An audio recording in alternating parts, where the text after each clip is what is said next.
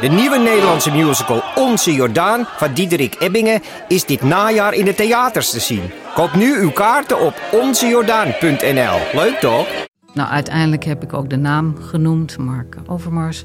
En toen hebben we lang over gesproken. En toen zei ik, heb je dat nou zelf ook wel eens meegemaakt? Ja, ja, ook zelf meegemaakt. Heb jij ook wel eens van die dickpics ontvangen? Ook. Ja, dat vond ik toch wel heel heftig. Ben je benieuwd naar deze verhalen en wil je niets missen? Via podimo.nl slash gonzo luister je 30 dagen gratis naar Gonzo op Podimo. podimo.nl slash gonzo Hallo. In 1978 verscheen een boek dat een debat ontketende dat sindsdien nooit meer is stilgevallen. Het was een boek dat onze westerse manier van denken bevroeg, dat vooroordelen waarnam en aanwees van, van het Westen over het Midden-Oosten, over Arabieren. Vooroordelen die samenhingen met imperialisme, met racisme en nog veel meer. De auteur was nog redelijk jong, een Palestijnse academicus in de Verenigde Staten. Direct werd hij een beroemdheid, maar wel eentje, zoals je dan zegt, die even verguisd als bejubeld werd. Het boek in kwestie is Orientalisme. De auteur is Edward Said. Welkom bij deze speciale podcast van De Groene Amsterdammer. Mijn naam is Joost de Vries, ik ben adjunct hoofdredacteur van De Groene. Het is woensdagavond, uh, heel Nederland mag weer voor het eerst naar de horeca, wij zitten hier in een tochtige kamer waar het altijd koud is op de redactie van De Groene aan de Single in Amsterdam om het over Edward Said te hebben. Voordat we beginnen moet ik denk ik een heel klein uitlegje doen. Uh, dat zit namelijk als volgt. De Groene is mediapartner van een nieuwe boekenreeks van uitgeverij Atheneum Polak en van Gennep. Uh, die zogenaamde Paradigma-reeks heet een nieuwe boekenreeks.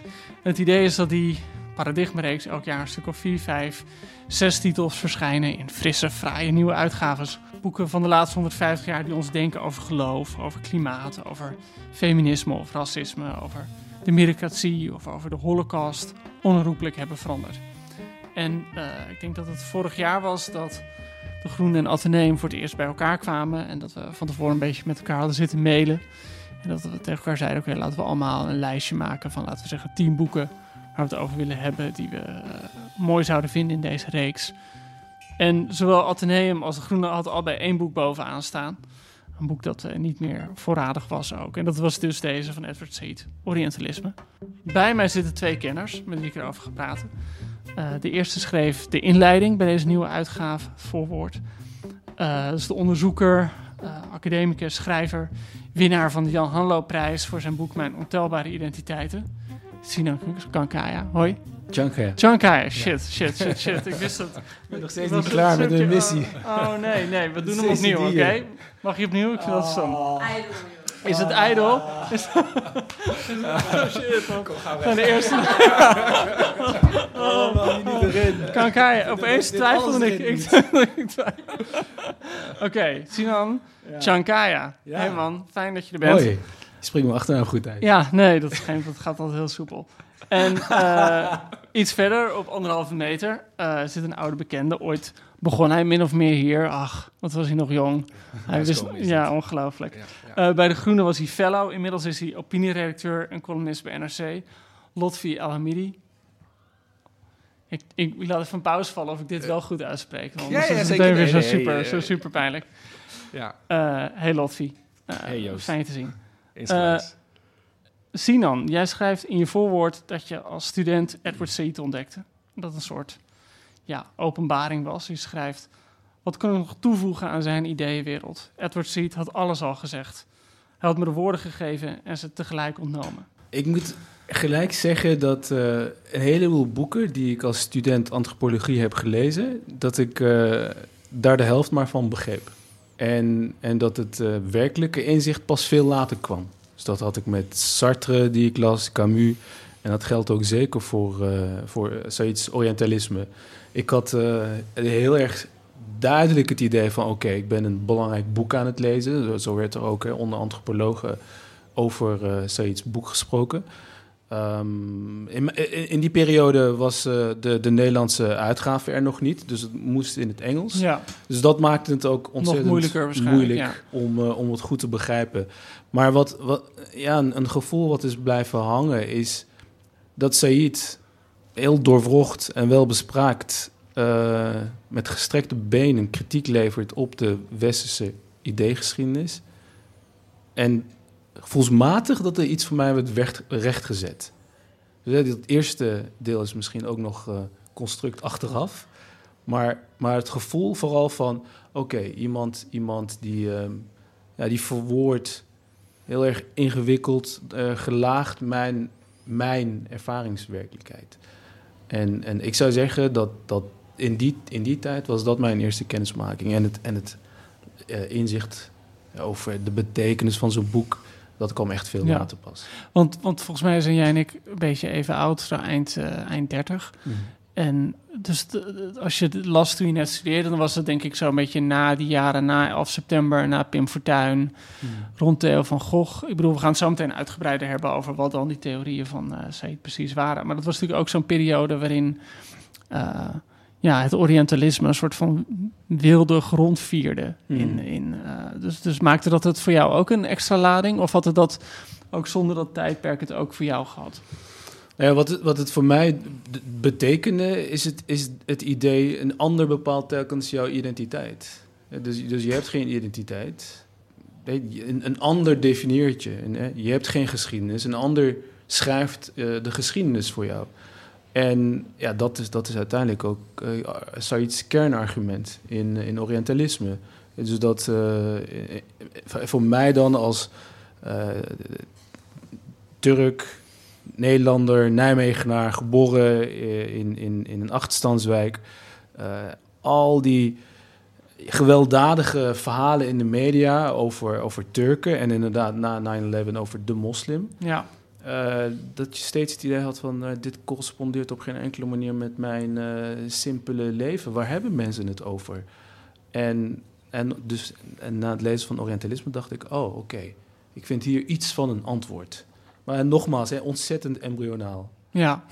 Nee, ja, het, is natuurlijk zo'n boek dat, dat het is ook een, een lezing van ongeveer de halve Europese kanon. Die, die ook toen ik het voor het eerst las, ik echt de helft van de, de namen die genoemd worden, nou, eh, doen niet eens een belletje rinkelen. Je Hmm. voelt het meer een beetje op gevoel dat je het leest ongeveer. Ja. En Lotfi, hoe was dat, hoe was dat voor jou?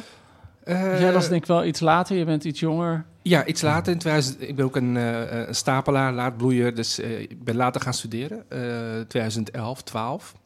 En toen moest ik het ook, ook lezen. Eh, ik deed de opleiding geschiedenis aan de Erasmus Universiteit. Of wereldgeschiedenis eh, heette de, eh, eh, die richting.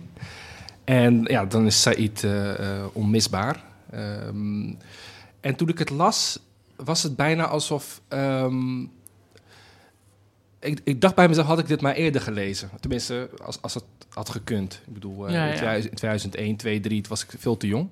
Was ik nog een tiener op de middelbare school. Maar toen ik het las, dacht ik wel bij mezelf van... ja, maar dit, dit is het. Dit is, dit is wat, dat ik de afgelopen tien jaar destijds... Hè, dus de jaren nul... ehm, dit is wat er is gebeurd. En met name bijvoorbeeld de Irak-oorlog. Als je ziet die aanloop naar die oorlog... En, en trouwens, geldt ook voor Afghanistan... dat ik bij mezelf dacht van... ja, maar hoe, hoe kan dit nou ooit eh, hebben plaatsgevonden? Want Mm. hij schrijft precies wat... eh, nou ja, hoe dit, hoe dit georganiseerd wordt, hoe, hoe de propagandamachine werkt. Dus in, in zekere zin ehm, vond ik het een boek dat een soort eeuwigheidswaarde had. Ehm, en dat had ik ook afgelopen jaar toen eh, Kabul viel in Afghanistan. En ik dacht van ja, maar dit is... Hier komt Said weer helemaal van pas. En wat zag je dan? Nou, alle ehm, clichés en alle ehm, eh, ideeën over eh, vrouwenrechten, over vrijheid, over Westen-Oosten, kwam, kwam allemaal weer naar, naar boven. Ik had een running gag afgelopen ehm, eh, destijds, 2021. Het is weer 2001. Je hoorde alle clichés weer die je destijds ook in 2001 hoorde. Dat, het, eh, ehm, dat die mensen nou ons eenmaal haten. ehm, dat het om de vrouwenrechten ging al die tijd. En dat het nu heel zielig is dat ze nu in handen vallen van die barbaren. En eh, nou ja, dat, dat het Oosten ehm, fundamenteel anders is dan het Westen. Dat ze gewoon sowieso geen vrijheid willen. Nou, al die dingen die, die kwamen weer terug. En ik dacht van nee, dat is dat komt me allemaal bekend voor. Ja, En als je dan Said leest, dan zie je dat het helemaal niet 21ste eeuws is, maar dat het heel lang al zo, eh, dat er heel, al heel lang zo gedacht wordt. Hey, ehm, oké, laten we het even over, over, voordat we echt bij de theorieën aankomen, laten we het even over Said zelf hebben. Jij hebt, de, jullie, ja, jij hebt natuurlijk ook de biografie, dus vorig jaar een biografie verschenen van Timothy Brennan. Hmm. Ehm, wat voor jeugd had Said? Nou, hij is geboren in, in, een- in een eh, relatief rijk gezin. Ehm, ze, woonden niet ook, ze woonden niet alleen op één plek. Hè. Hij is geboren in West-Jeruzalem. Eh, toen nog niet eh, in handen van de eh, Israëli's. Israël bestond nog niet, officieel. Ja, Ehm, 1935. ja. Ehm, maar ze, ze hadden ook een, een, een eh, eh, vakantiehuis in Ramallah. Dat was destijds een badplaats. Ook in Zuid-Libanon. ehm, en ook in Egypte, in Cairo. Dus weet je wel, dat was voor hem één groot ja, cultureel continuum. Weet je wel, De- het Midden-Oosten, dat was gewoon een soort één groot land voor hem, eh, wat dat betreft. Ehm, nou ja, eh, relatief rijk dus. En dus eh, kon hij genieten van goed onderwijs. ehm eliteonderwijs zou je kunnen Ja, zeggen. Hij, Britse ik. Britse scholing, scholing in Cairo. Ehm, en laten we niet vergeten, hè, hij is dus geboren in, je zou kunnen zeggen, het Britse Rijk. Bedoel, eh, de Ja, Palestijns. eh, eh, ja, ja, eh, dat- en, ook in Egypte natuurlijk. Dus ehm, een, een Arabier, eh, maar ook eh, eh, een christen. En dat was de minderheid eh, eh, natuurlijk in de Palestijnse gebieden, maar ook in de Arabische wereld überhaupt. Ehm, maar dat, dat vond hij, of dat, eh, tenminste zo schreef hij dat later, eh, daar zat hij nooit mee. Dat, dat, dat hij een, een minderheid was eh, in een islamitische, binnen een islamitische meerderheid. Hij vond dat, ja, hij vond dat hij, of hij dacht dat hij eh, behoorde tot een, toch wel een beschaving. eh, met veel overlappingen en hij voelde zich wel gewoon thuis in ja, die zijn als vader was. Amerikaan, toch? Of ja, Die is ge- eh, geamerikaniseerd, ja, ja, genaturaliseerd de Amerikaanse dienst in dienst gegaan. Ja, Eerste Wereldoorlog. Ehm, en nou ja, wel veel eisende ouders. Dus het was ook wel een verstikkende eh, opvoeding die hij heeft gehad. Ja, heel eh, redelijk elitair. He- heel elitair zelfs. Maar Sinan, heb jij nu... Jouw titel van jouw boek is natuurlijk... Een ontelbare identiteiten. Dan ben ik ook meteen bang dat ik dat dan ook verkeerd ga zeggen. maar is dat nou afkomstig van Said? Want die, volgens mij had jij in je voorwoord bij zo'n passage... Eh, waarin, waarin Said nadenkt. Dat komt volgens mij uit het privédomein deel... dat er ooit van hem is verschenen ontheemd. Hmm. Ja. Een soort van memoir. Out of place. Waarin hij dat ook volgens mij, mij eh, zegt. Ja. Letterlijk die... eh, Ehm, over ontelbare ja, identiteiten. of, Ja, ja hij, hij schrijft, eh, dus wat Lotfi zojuist zegt. ehm, ik ben zijn memoires gaan lezen en zijn essays. En dan, dan ontstaat er wel een rode draad. En de rode draad is eh, de pluriformiteit, de eh, veelvormigheid, de, de, de diversiteit in talen, culturen, eh, religies, enzovoorts, enzovoorts. Dus dat was heel erg in your face bij het herlezen van, eh, van, van Said. En, en ja, ik ben, ik ben ontzettend eh, geïnspireerd door, door Said. Dus Said is, is, zeker wel een van mijn eh, eh, meest geliefde eh, intellectuelen. Ehm, maar ik moet zeggen dat, dat, ehm, dat bij het schrijven van de inleiding... dat alles eigenlijk weer bij elkaar kwam. Dus, dus, dus ik, ik kon toen pas de draadjes weer bij elkaar brengen. En, en ja, dan zie ik zelf ook wel dat zijn achtergrond een duidelijke lijn heeft met, met eh, zijn uiteindelijke politieke visie en, en een soort opmaat is aan het schrijven van Orientalisme. Dat daar, dat daar een hele duidelijke lijn in is. Omdat ik ook denk dat waar hij zich over opwond was. Maar, maar kijk naar mijn leven. Eh, Zo'n rijk leven ook. Hè? Dus in, in culturele zin, allemaal eliteonderwijs. eh, um, um, begenadigde pianist, uh, muziekonderwijs, uh, spreekt verschillende talen, vloeiend. En, en dan vervolgens die enorme karikaturen en, en, en reducties. En, Ja, want hij ging naar, naar Amerika om te studeren, naar Columbia en hij gaf les op Yale en Harvard en, noem maar op. Dus eigenlijk zat hij helemaal bij dat, dat ja, zeg maar New Yorkse of, of westerse intellectuele leven. En tegelijkertijd merkte hij dus van, klopt iets niet. Of er, er wordt anders naar me gekeken. Of... Ja, ja dus, dus die ervaring die had hij al uh, in Egypte op de Britse elitescholen. Uh, dat werd versterkt toen hij naar de, de, Verenigde Staten ging om daar te studeren. En, en dat hij zich eigenlijk nog meer gewaar werd van, eh, van zijn eh, ja, soort uitzonderingspositie. Terwijl het, het is wel belangrijk, hè? Zijn, zijn vader was Amerikaan. Mhm. Zo identificeerde zijn vader zich. Mijn moeder eh, geboren in Libanon. Dus, dus dat komt allemaal bij elkaar voor hem. En, en ik denk ook dat, dat zo'n ervaring... Ja, dat, dat grijpt gewoon in op iemands identiteit. Als je dan ook in, in een land waar die je toch identificeert als je thuisland... Want eh, uiteindelijk eh, beschouwde Said ook de Verenigde Staten als een, als een Zeker. thuisland. Zeker. Ehm, New Yorker, hè? en, en dat gevoel van ik hoor er niet bij, ja, dat, dat doet iets met je, met, je, met je zelfbewustzijn, hoe je naar jezelf kijkt, maar ook ver- ver- verhoudt tot, tot anderen. Ja. Ter- Terwijl hij aanvankelijk was hij heel terughoudend met zijn, met zijn identiteit of identiteiten. Dus als ze, altijd, als ze Ja. aan hem vroegen in Amerika van waar kom je oorspronkelijk vandaan? Eh, dan zei hij, of wat is je afkomst? Dan zei hij, ja, ik, ik kom uit het Midden-Oosten. Gewoon heel abstract. ja. Hè? Dus, eh, dus niet, ik ben, ik ben eh, Arabier of ik, al helemaal niet, ik ben Palestijn. Joods aangezien. Ook, ja. Ja, wat, wat, wat natuurlijk ook een grappige zeg maar blik is vanuit New York. Weet je Ja. dat je, Dat vond hij niet erg trouwens. Nee. Want hij werd ook ge- geïnspireerd door allerlei Joodse denkers natuurlijk. Mhm. maar hij zei in ieder geval nooit dat hij Palestijns was. Dat al helemaal niet. Dus, eh dus Arabier was al heel wat als hij dat eh prijs gaf. Maar Palestijn, dat, dat zei hij heel lang, zei hij dat niet. Maar uiteindelijk eh, heeft hij volgens mij ook gezegd dat hij al die identiteiten van zich af kon laten glippen, behalve die Palestijn. Dat dat toch wel hem meest typeerde. Ja, uiteindelijk, later, toen hij ervoor uitkwam. Of toen, toen hij eh het is wel grappig dat, dat je Ja. dat zo zegt, dat je er dan vooruit moet komen. Eh, of eh, dat hij zich er dan vooruit moet komen. Hè? Alsof, alsof hij Ja. uit de kast komt, ik ben Palestijn. Ja, Ja, maar ik denk dat dat, dat, dat, dat hangt dus samen met de veranderende context. Dus hij, hij is op dat moment in de, in de VS, eh, ziet daar de, de enorme mediamachinaties rondom de, de Palestijnse zaak. Heeft die eigen ervaringen hè, van, van, van uitsluiting. Ja, en ik denk dat dat een enorme drijvende kracht was dus ook eh, richting het schrijven van Orientalisme. Dus, eh, dus, dus die context maakte dat, dat hij... Ja, dat is ook misschien een beetje psychologie van de koude grond... maar dat er een vervreemdend effect optrad. Dus ik, ik, vind, ik vind het juist eh, vanuit, dat, ja, vanuit die identiteitstheorieën... vind ik het heel Mhm. erg logisch dat, dat, dat, dat dit het eindpunt werd. En dat die, dat die Palestijnse identiteit dus zo op de voorgrond ging treden. Ja. En natuurlijk ook de hele ervaring van, hè, van de, de, de, de, de, de banneling. Ja.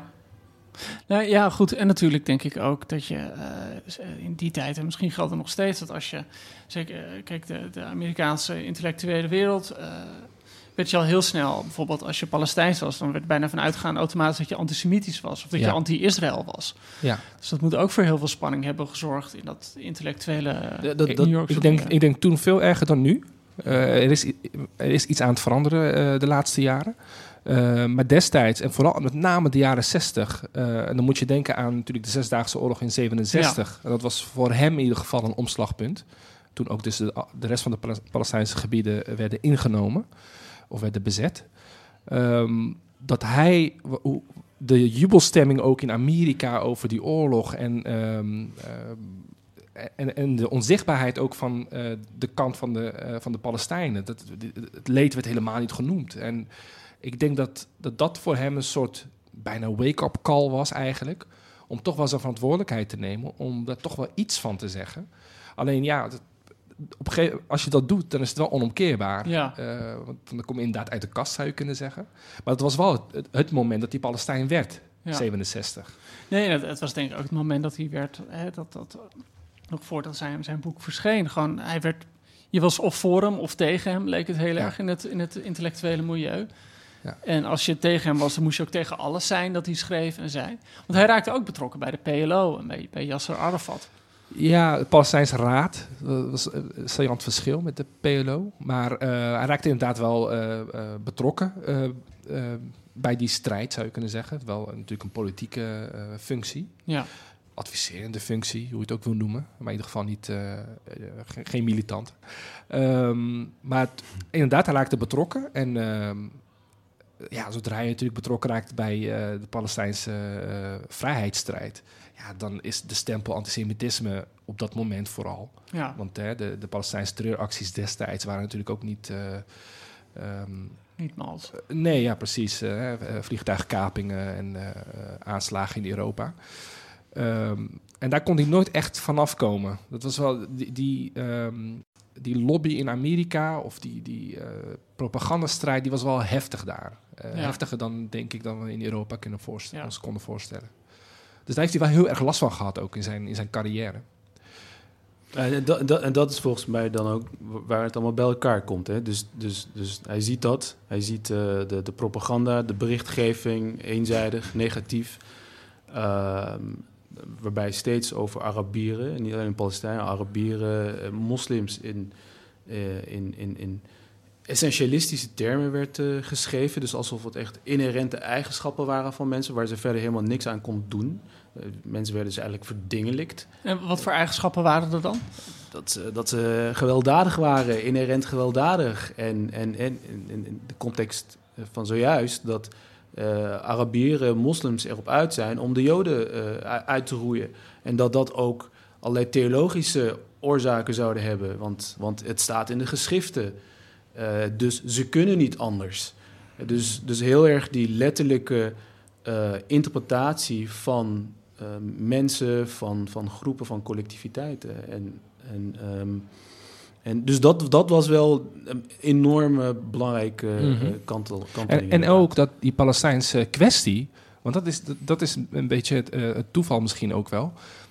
Eh, terwijl allerlei landen zich dekoloniseerden van de Europese landen, Ja, eh, werden Palestijnse gebieden dus eh, gekoloniseerd, Omgekeerd, zou je ja. kunnen zeggen. hè? Dus eigenlijk was de Palestijnse dat was een soort verlaten manifestatie van het kolonialisme. En eh, bij dat kolonialisme ehm, eh, horen allerlei eh, ehm, mechanismes. En dat is wat hij dan zag. En dat is wat hij ook herkende kennelijk in voorgaande eeuwen, toen de andere landen werden gekoloniseerd. Dus op een of andere manier werd, het, werd het verleden heel actueel. En nou, daar had hij dan iets beet en toen begon hij te schrijven. Hij schreef dat boek ook, eh, Orientalisme, ook heel echt geïsoleerd. Dus hè, eh, dit was geen...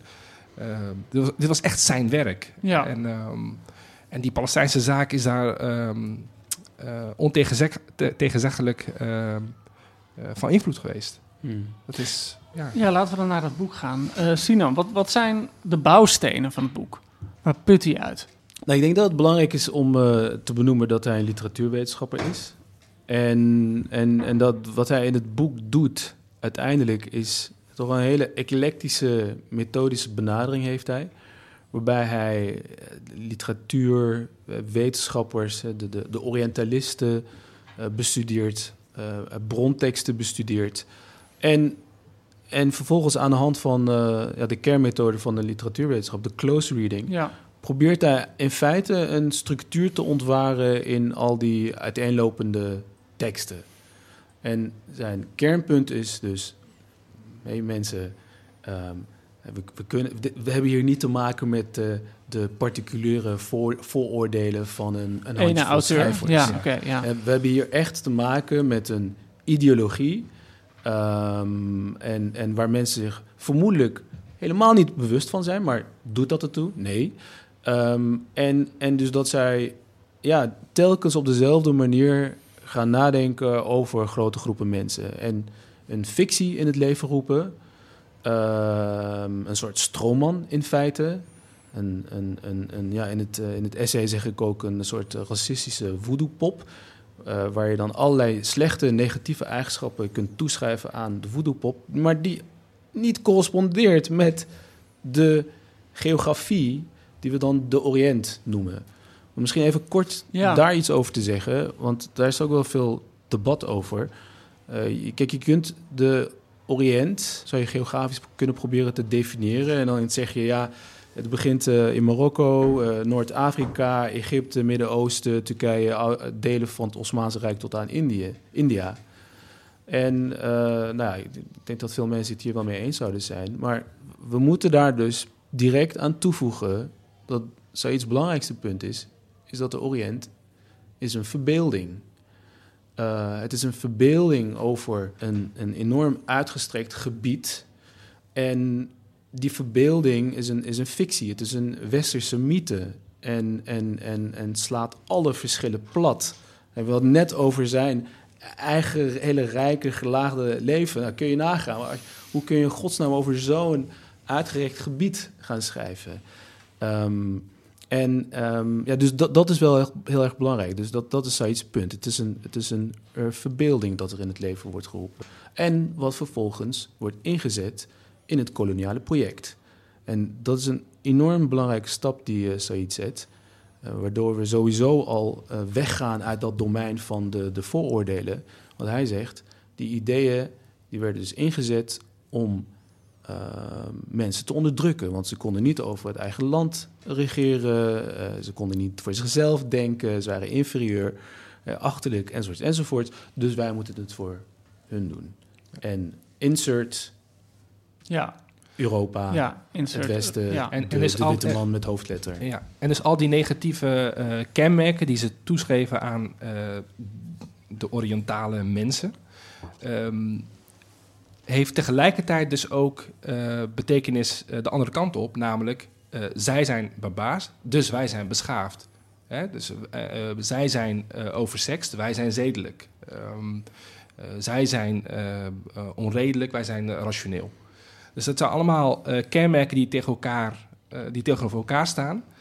En inderdaad de rechtvaardiging zijn om over die mensen te regeren. zij kunnen dat inderdaad niet, maar wij kunnen dat uiteraard wel.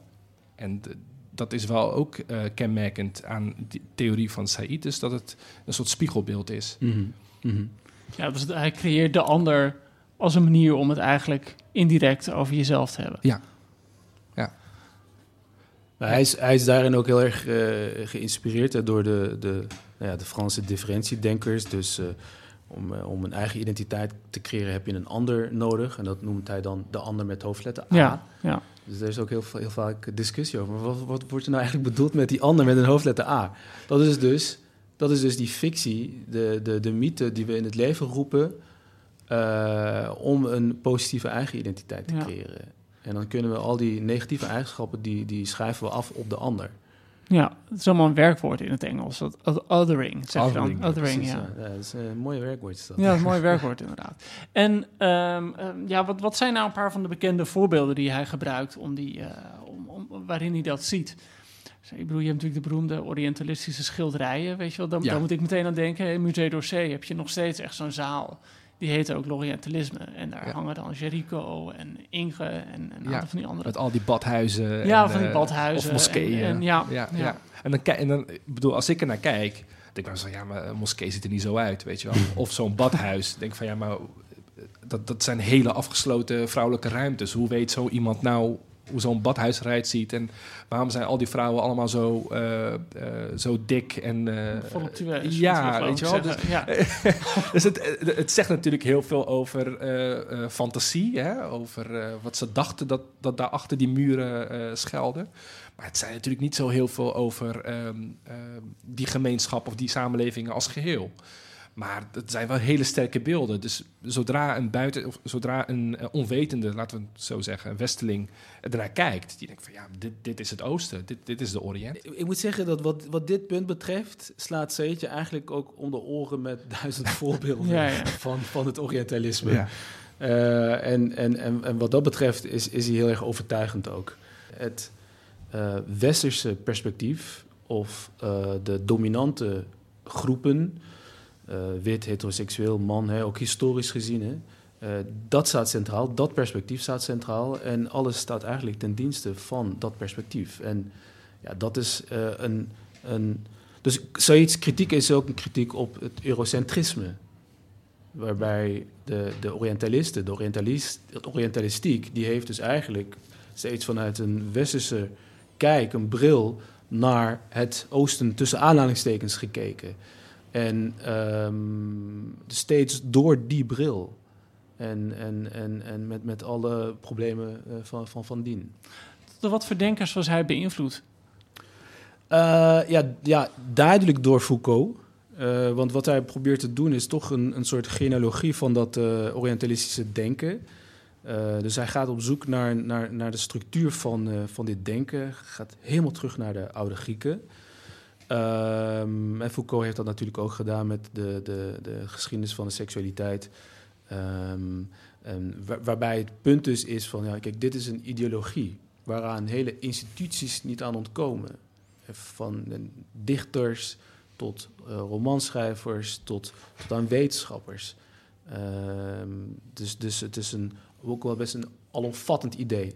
Daar komt later allemaal kritiek op. Hè? Ja. Dus misschien komen we straks Ja, op de nuances. Ja, ja, ja. ja. Ehm, eh, dus hij was duidelijk geïnspireerd door Foucault. Later distancieerde hij zich weer van Foucault, omdat eh Said vond dat Foucault zich weer te weinig verhield tot politiek macht en dominantie. Dus dat was, dat was, wel, eh, eh, dat was wel opmerkelijk. En- Maar Foucault associeert natuurlijk ook heel erg met het idee dat, dat de taal die we gebruiken, er daar macht in verstopt Mhm. zit. Mhm. En sowieso de kennis die we belangrijk vinden, dat er daar macht in zit. Ja, ja dat zeg je heel goed. Hè? Dus, dus wat eh S- Said eigenlijk doet, is het eh, opschrijven van het, een vertoog. Eh, Dat is een stelsel van uitspraken. Dat vertoog noemt hij het Orientalisme. En eh, dat, dat werkt hij uit. En dat, dat is inderdaad, eh, ja, zou, zou je kunnen zeggen, direct afkomstig van, eh, van, van Foucault. En zijn stelling is dus dat taal gaat eraan vooraf, hè, aan kolonialisme of aan imperialisme. Ehm, Ja, en, en, en, ja, Ja, kun, kun je dat uitleggen? Dat, dat, vind ik, dat is wel interessant inderdaad. Nou, dat, dat eigenlijk de geesten rijp worden gemaakt om eh, dat immense gebied eigenlijk eh, em, eh, te koloniseren. Maar, maar het is zo'n gek idee, want, Ja. want die, die romans worden niet vanuit de overheid opgelegd. Dat die Nee. zo geschreven moeten worden. ja, dus wat precies. is dan die wisselwerking? Nou ja, dat is ook de kritiek op, eh, op de theorie van Said. En dat geldt ook, wat ik hoorde net eh, Sinan zeggen, van, eh, eh, tot de oude Grieken. Ja, dat, dat, dat, dat is wel wat. Als je, als je een theorie bedenkt dat, eh, dat het eigenlijk al duizenden jaren... eh, dat al duizenden jaren de geesten rijp worden gemaakt om eh, de Oriënt op een bepaalde manier neer te zetten om allerlei redenen. Ehm, eh, want ik heb daar ook maar vraagtekens bij, weet je wel. Eh, eh, vooral als je bedenkt dat in de middeleeuwen de Europeanen helemaal niet de bovenliggende partij waren. Hmm. Dat, en dat, dat de Oriënt wel degelijk een, een fysiek gevaar Ja, vormde, ja. Tot, tot wel de 17e eeuw. En en, en daar, dat zijn van die, dit- nou ja, van die dingen in zijn theorie waarvan je denkt, hé, hey, wacht even, volgens mij is het, is het een grote greep. Ja, het is, en, maar, het is maar natuurlijk- tegelijkertijd, ja, sorry, sorry Joost, maar het is ook precies om, om deze reden eh, dat, ehm dat Said ook zegt, hè, van ehm, uiteindelijk is het denken heel oud. Ja. En dat was zijn inzet. Zijn inzet is echt om aan te tonen dat dit een, een stabiel eh, historisch denken is. En dat we niet moeten doen alsof het eh, eh, plotseling nu verschijnt. En, en ja, da- daar, en, en op die manier is het ook wel een hele grote greep. wat, wat hij maakt met zo'n boek. En, en daar zijn een heleboel mensen over gevallen ook. Hè. Dus dat hij een te monolithisch, te homogeen beeld schetst van het Westen en het Oosten. En ook eigenlijk eh, ja, niet tegemoet komt aan de, de, de variatie tussen de Orientalisten. Ehm, want daar zaten ook een heleboel antikoloniale Orientalisten eh, tussen. Die, die waren dus ook enorm gepikeerd eh, vanwege Said's boek. Eh, dus dat was. Die Dat was zich over het hoofd gezien. Of, of ja, ja, ja, het- ja. Dus eh, die, die zagen dat wat zij deden was, was, was nu juist eh, goed. Kan je allemaal vraagtekens bij zetten, maar vanuit goede bedoelingen, Ja. he- antikoloniale eh, positie eh, namen zij in. En ze vonden juist dat ze eh, bruggen probeerden te bouwen, I assume. Ja, ja. maar dat, dat hij eigenlijk tegen, ze, tegen hen zei van... jullie ontkomen er niet aan. Ja. Want jullie zijn eenmaal opgevoed, opgegroeid, opgeleid in dat raamwerk. Dus, eh, eh, ondanks alle goede bedoelingen... eh, Ja, want dat, dat vroeg ik me ook wel af. Waren er ook schrijvers en kunstenaars die het wel goed deden, wat hem betreft? Of moet je het niet zo noemen dat dat goed deden? Want volgens mij was het inderdaad zo dat ook de mensen die zich verzetten ertegen, of Ja. verzetten, alsnog binnen dat kader. Nou ja, kijk, je had het net over inspiratiebronnen. Hij werd eh, heel erg geïnspireerd door Joseph Conrad. Ja, daar is Eh, hij op gepromoveerd. Daar was hij op gepromoveerd. Ja. En daar, eh, hij ehm, eh, identificeerde ook zich met eh Conrad. Omdat hij, die, dat was ook een, eh, een buitenstaande die in Londen kwam ja, wonen. een, een Pool die dan via alle omzwervingen bij de Britse marine kwam. Precies. En ook no- nooit echt bij kon horen, want dat had zo'n vreselijk accent. En, eh, eh, maar goed, maar vooral dat boek van hem. ehm, Heart of Darkness. Precies. Ja. Eh, daar zag hij, eh, nou ja, toch wel iemand die oog had eh, voor, voor de schaduwzijde eigenlijk van het eh, imperialisme. Hè, vooral die passage over eh, dat, het, geen, dat het geen fijn gezicht is, die, die westerse beschaving. hoe, Ja. hoe die dat aantrof, daar diep in de, in de jungle, om het zo te zeggen. Nou ja, dat, dat, dus, nou ja, Ehm, niet dat die Joseph Conrad een soort anti-orientalist vond, maar dat ze dus wel degelijk wisten eh, wat Ja, er gaande wat er was. gaande was, ja.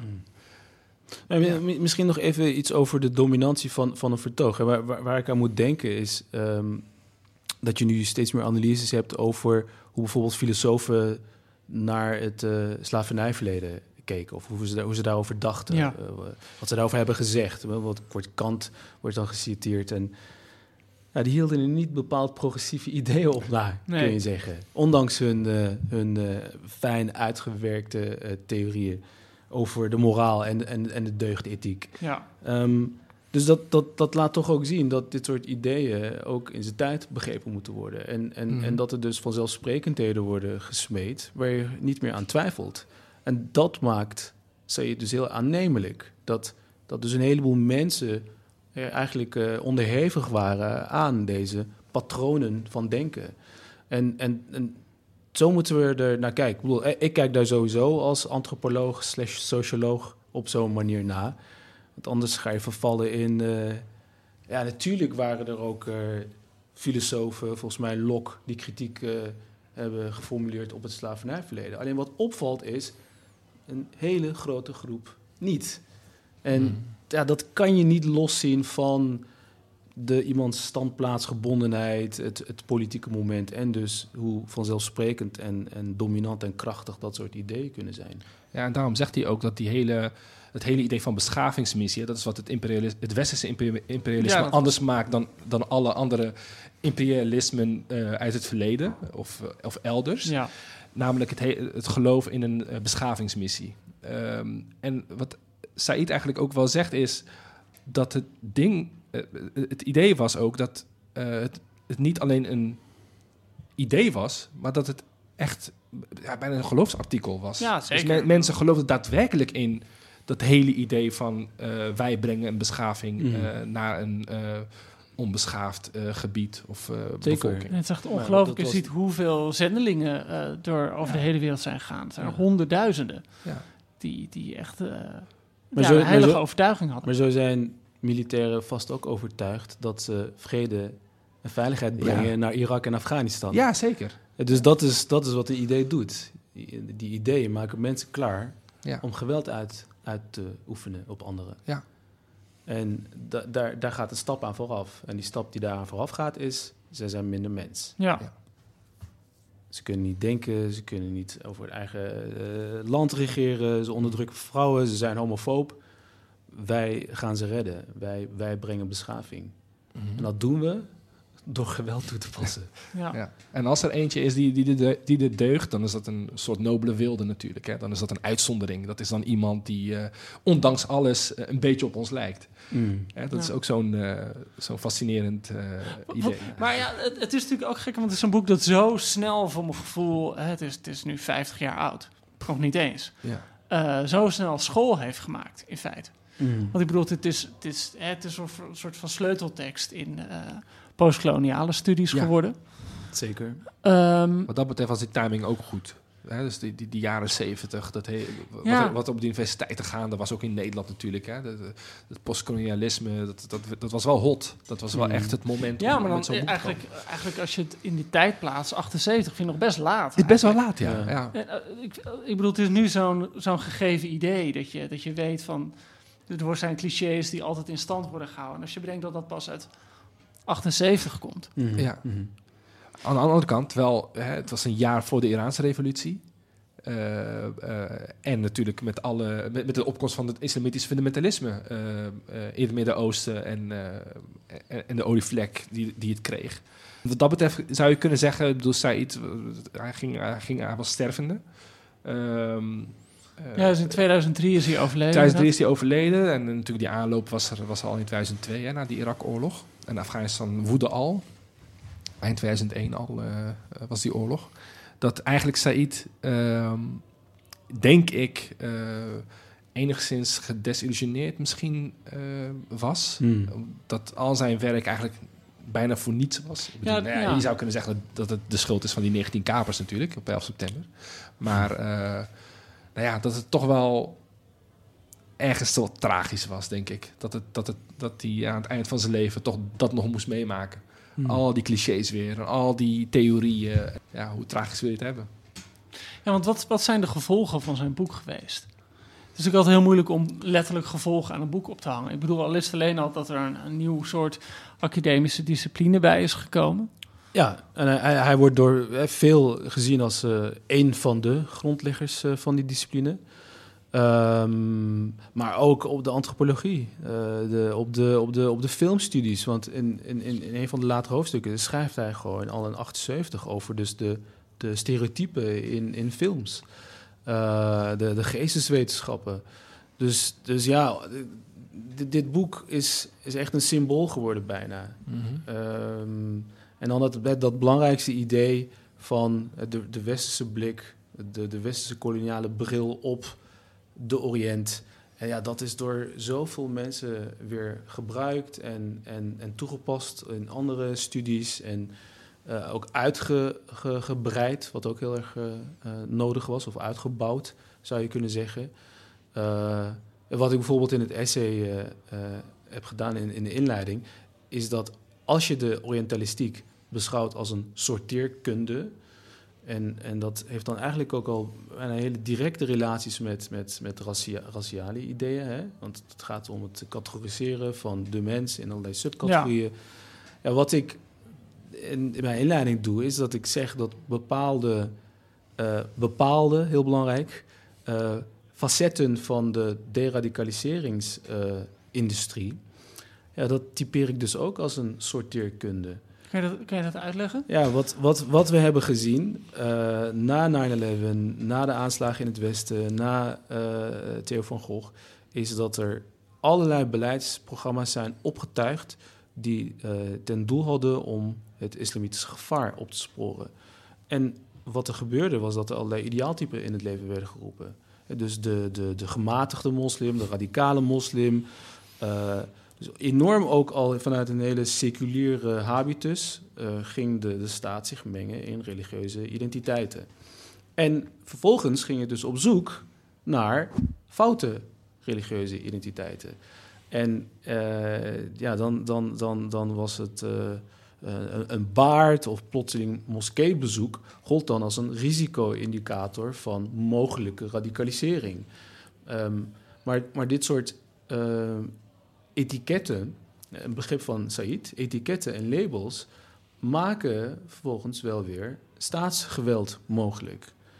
Letterlijk, want, want je kunt mensen uh, monitoren, uh, onder surveillance uh, stoppen, je kunt ze tracken, welke keuzes gaan ze in de toekomst maken, et cetera, et cetera. Um, en ik ga niet, zoals Said dus deed, de, de hele discipline uh, overboord gooien. Uh, de, de radicaliseringsstudies. Ja. Maar ik denk wel degelijk dat er een, een, een aantal onderzoeken, een tak die zich vooral richten op de risico-indicatoren, die, die beschouw ik als uh, hoogst problematisch, racistisch en als een soort hedendaagse sorteerkunde. Ja. ja. ja het is altijd gevaarlijk om naar het voorgesprek toe, toe uh, terug te wijzen in het gesprek. Maar we hadden het ook een beetje volgens mij over dat, dat ze misschien niet zo'n oog voor klasse had. Ja, dat, wordt, hem, dat wordt hem een beetje verweten, ja. Dat, uh, Mag ik trouwens één ding zeggen, Sinan? Ja. Dat vind ik echt de mooiste scène in, jou, in jouw boek. Uh, is met die vis. De vis. De vis, dat iemand een vis komt laten zien. Oh, ja. Maar op een of andere manier, ik- vind ik dat zo'n ja, ja. perfect voorbeeld van... Met de, de karper zo'n in de, zo'n in de achterbank. hele gewone scène in, in, in een eh, volksbuurt. Ja, Dat iemand komt voorrijden en zegt, ja, moet je nou zien, moet je nou zien. Dat gaat kijken dat iemand een enorme vis laat zien. ja, ja, ja. ja. Eh, ik- ik heb dat altijd in mijn hoofd als ik moet nadenken over, eh, ja, ik weet niet, klassen en zo. Ik, ik vind dat zo'n zo'n treffend beeld. Ja, dat was eh, de, dat is, dat, het statussymbool in mijn Ja, wijk nee, was dat. Dat. Dat, was En gewoon- dat, be- dat bepaalde je daar je standplaats. ja, Ja. Dat is de, de, een karper. ja, de karper, had. ja. Ja. Nee, maar goed, maar had, had zij iets meer... Ja, sorry. Dit, dit, Nee, dat geeft Kom niet. Ehm, nou, het, hem werd wel eens verweten, of wordt eh, nu verweten ook wel. Ehm, ik bedoel, wat heeft hij eigenlijk gedaan? Het was gewoon eigenlijk een elitaire man die eh, eh, allerlei eh, westerse... hij was literatuurwetenschapper. Mensen vergeten dat soms. Soms denken mensen dat, dat het een soort eh, Midden-Oosten... Ja, politicoloog, ja, ja. Historicus. historicus. Of, eh, eh, bedoel, hij heeft, nog, hij heeft nog nooit een college gegeven over het Midden-Oosten, weet je wel? Nee, daar was ik ook wel verbaasd over. Dat hij zijn hele leven niet één keer... eh, hij heeft altijd de westerse kanon gedaan. Ja. Hij heeft niet, volgens mij niet één keer een college-reeks gegeven over eh, literatuur uit het Midden-Oosten. Nee, helemaal niet. opmerkelijk. Maar, maar, maar eh, dat was ook de kritiek op Said. Dus zijn kritiek op Orientalisme was een kritiek van het eurocentrisme. Maar gek genoeg ontkomt Said daar niet aan. Nee. Want hij richt zich op de westerse Europese kanon. Eh, en inderdaad, Said die, die genoot van die westerse cultuur. eh, Van die schrijvers en die dichters. Dus, en later vond hij het heel erg storend ook dat hij werd weggezet als een soort anti- anti-westerse Ja. denker. Hij Ja. dacht nee, hij had juist een heel erg een grote voorliefde voor de Europese cultuur. Ja, dat was, dat was ook een grote misvatting. Eh Said bekritiseerde het westerse humanisme vanuit eigenlijk gewoon zijn humanistische levensbeschouwing. Wat hij bekritiseerde was het humanisme wat, wat werd gepropageerd door, door Europa of door het Westen. En het antihumanisme wat de praktijk was. Daar wees hij op. Dus het is, het is niet zo dat hij al die boeken en al die denkers en al, alles wat het Westen heeft geproduceerd, dat dat per definitie eh, fout was. Want hij maakte ook gewoon een, eh, een scheiding tussen kunst en. eh, Het is best een snop. ja, Ja, zo, het is zeker. Ja, ja. ongelooflijk. Ja. Zeker. En Ja, ook, le- lees Orientalisme. Ja, ja, ja. ja, nee, en ook natuurlijk zijn voorliefde voor eh, eh, klassieke muziek, hè, westerse klassieke muziek. Had helemaal niks met Arabische muziek. Een hele goede pianist was het. Ja, goede pianist. eh luistert naar Strauss, Wagner, noem ze maar op. Ehm, en ehm, kijk, eh, later in zijn leven, met name na die eh, Zesdaagse Oorlog in 67, toen zocht hij wel naar zijn Arabische roots. Toen ging hij wel naar het Midden-Oosten toe, naar ehm, eh, intellectuelen daar. En dan begon hij toch wel zich te verdiepen in Arabische... Lang in Libanon gewoond, volgens mij. Lang in Libanon Ja. gewoond, eh, ehm, eh, verdiepen in eh, allerlei Arabische schrijvers uit de middeleeuwen tot, tot de moderne tijd. En dat was natuurlijk ook een soort schatkamer voor hem, want hij is daar niet in opgeleid. Ik bedoel, hij is gewoon opgeleid in een westers instituut. Dus, het is, het is, het is een, hij was in elk opzicht een, een product van het Westen. Ja. Ehm, maar inderdaad, de- terugkomend op de kritiek op hem. Eh, inderdaad, hè, klasse, een snop zeg je. Maar ook, ehm, dat werd hem verweten. Hij bekritiseerde inderdaad het eurocentrisme en eh, het westers imperialisme. En inderdaad vanuit een westers standpunt zou je kunnen zeggen. Eigenlijk een soort mol in het westen. En de critici zeggen van ja, maar wacht even. Er waren toch ook allerlei critici in, eh, in de Oriënt zelf. Hè? In India, in eh, het Caribische gebied. Eh, die hadden ook al wat te zeggen. Waarom heeft hij zich daar niet in verdiept? Waarom heeft hij zich niet verdiept in Frans Fanon? Waarom heeft hij zich niet Ja, Mhm. eh, verdiept in al die Indiaanse critici eh, op het imperialisme? Dus dat, dat werd hem wel verweten, ja. Dat, hij, eh, dat hij daar een blinde vlek had. Ja, Hamid, Dabashi, eh, Iraanse eh, intellectueel socioloog, die, eh, Mhm. die zegt ook, met, met wie is Said nu eigenlijk precies in gesprek? Ja, dus dat is zijn vraag. En Dabashi die zegt dat het er heel erg sterk op lijkt dat Said steeds een wit publiek voor ogen heeft. En dat hij heel erg doende lijkt om ja, wi- witte mensen er toch van te overtuigen dat, dat, dat Arabieren en moslims mensen zijn. Ja. En, eh, en, en, en ja, en daar ontkomt het boek niet helemaal aan. Ja. Dus maar wie, zou- wie moet hij dan voor ogen hebben? Gewoon de, de, de Arabische lezer of de... eh, Ja, nou ja dat, dat, ja, dat hangt niet alleen samen met analyse, denk ik, maar ook met politieke strategie natuurlijk. Ja, je zou inderdaad een pleidooi kunnen houden voor, eh, ja, eh, aan wie richt je, je op, op, op wie richt je je pijlen? Wie wil je emanciperen? Is, is, Ja. Zijn dat eh, mensen in de marge, zoals Noam, Noam Chomsky eh, zegt? Richt je vooral, want dat was, eh, kijk, eh Said zei altijd, speaking truth to power. Maar Chomsky die zei, ja, maar power die is helemaal niet geïnteresseerd in truth. Ja, Eh, die eh, zie ook de invasie in, in Irak. Eh, dus Chomsky zegt, je kan beter je richten op mensen in de marges. Op, Ja. op gemarginaliseerde mensen. En, en je zou hen moeten emanciperen. En een andere is kritiek, zich op moeten richten. ja. Ja. een andere kritiek is dat hij zich wel heel erg eh, eh, richtte op eh, de Anglo-Saxische en Franse eh, Ja. wereld, Ja. eh, om het zo te zeggen. Eh, want Orientalisme, eh, dat was dus een discipline, is een discipline, zou je misschien nog kunnen zeggen. Maar de Russische en de Duitse Orientalistiek, die- hadden geen kolonies in, in de Oriënt, of die hadden daar niet zoveel te winnen. Maar die hadden wel heel veel eh, geschreven. En, Mm. eh, maar ja, da- daar had hij totaal genegeerd. Mhm. Ehm, dus dat vonden ze ook wel oneerlijk in dat boek. Dat hij dan een hele discipline eh, wegvaagde. Terwijl er landen waren, mensen waren die enigszins waarachtig probeerden te schrijven over, over dat gebied. Dus dat, dat was ook wel een kritiekpunt. Zie je in die orientalistische blik, die er natuurlijk nooit is weggegaan, zie je daar momenten waarop er iets kantelt en dan weer terugkantelt? Nou ja, kijk, mensen zijn geneigd om 9-11 als een kantelpunt te zien. En ik, ik, ik, ik deel die lezing niet. Vertel. Ehm, dus, dus ik denk dat 9-11 in lijn met Said iets heeft blootgelegd wat er al was.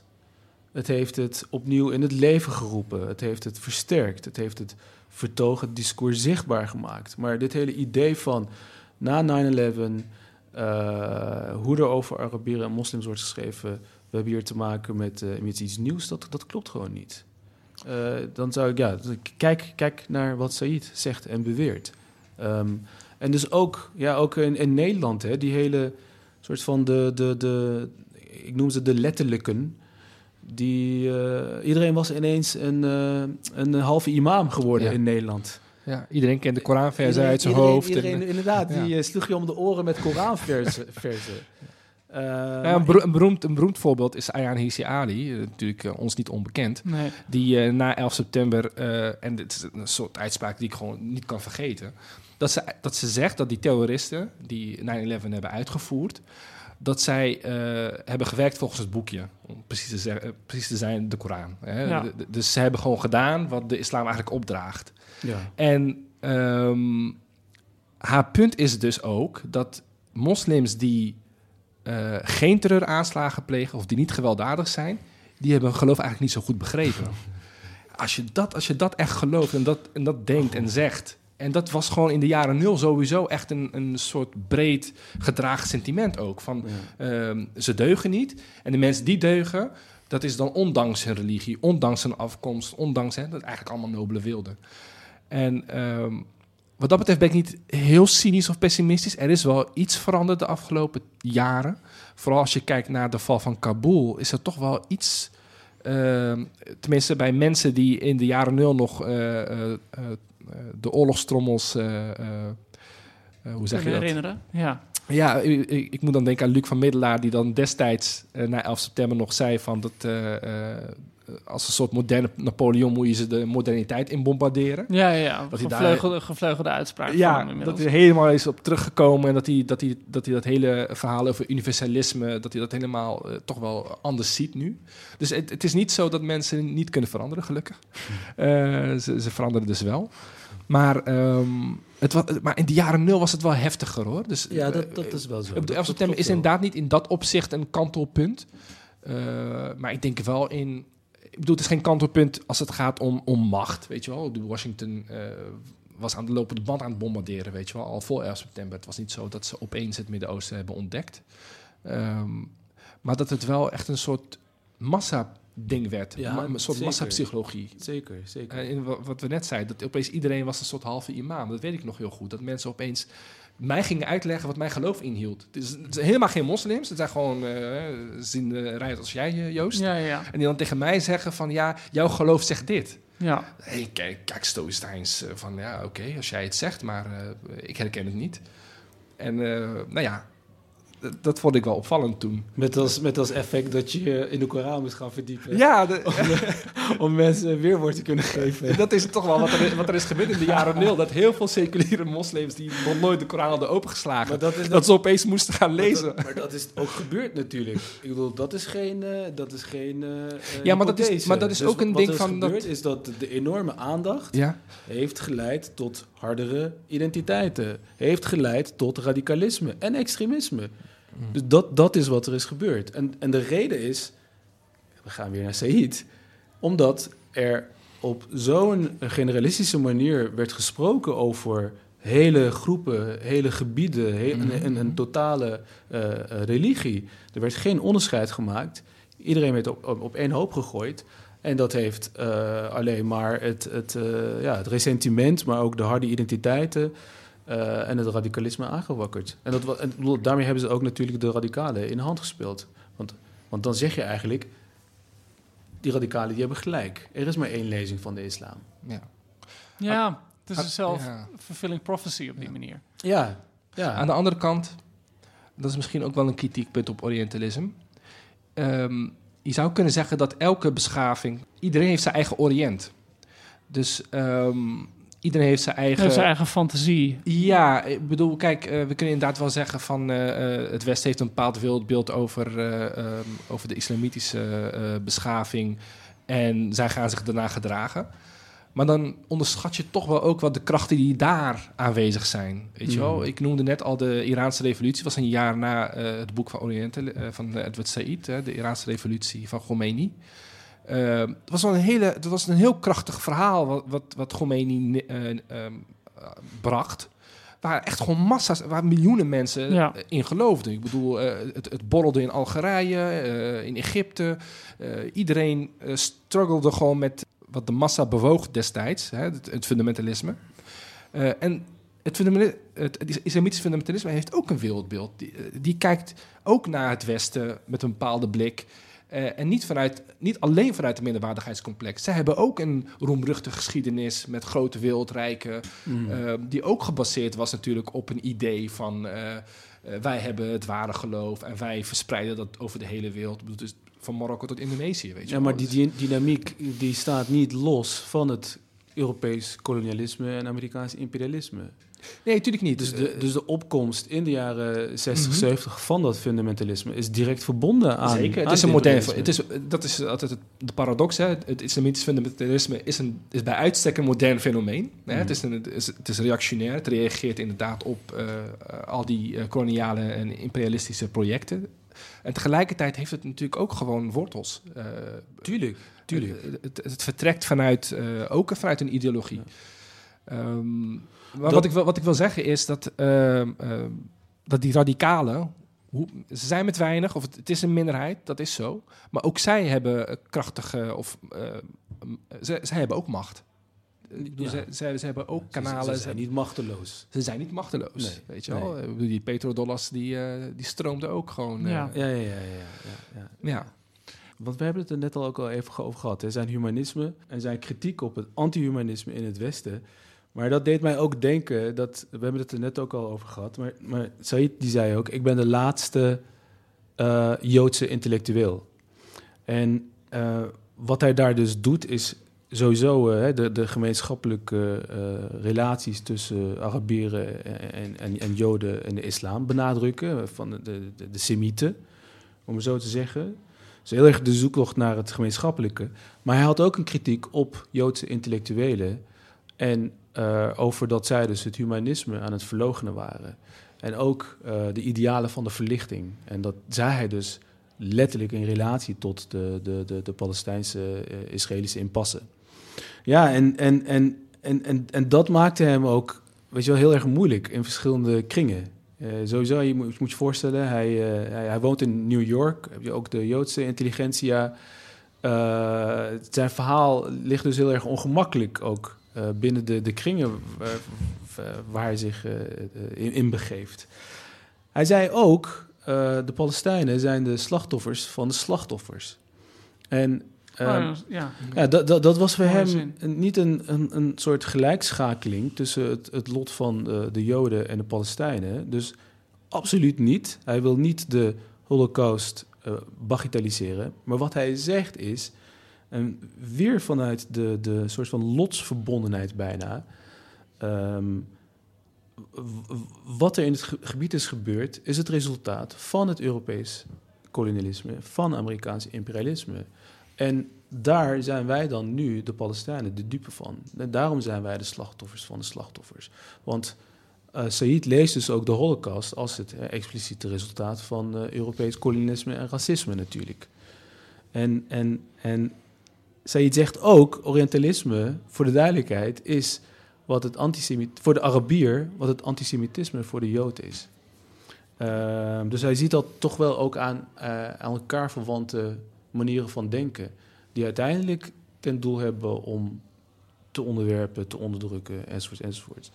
Ik wilde dit zeggen omdat Said heel vaak verkeerd wordt gelezen, terwijl zijn, zijn werk, zijn oeuvre, echt in het in, het, in, in, in, in dienst staat van het telkens maar weer zoeken naar de gemeenschappelijkheid. En eh, zijn humanisme en, en, en een heleboel eh, ja, postkolonialen die eh, vonden zijn hum- humanisme toch ook heel erg ongemakkelijk. Maar Want hij leek daarin weer dat Maar universalisme te het heeft ook iets tragisch dat het iemand is die eh, ja, voor zoveel debat, eh, of Ja. zoveel kritiek en zoveel haat over zich heen kreeg.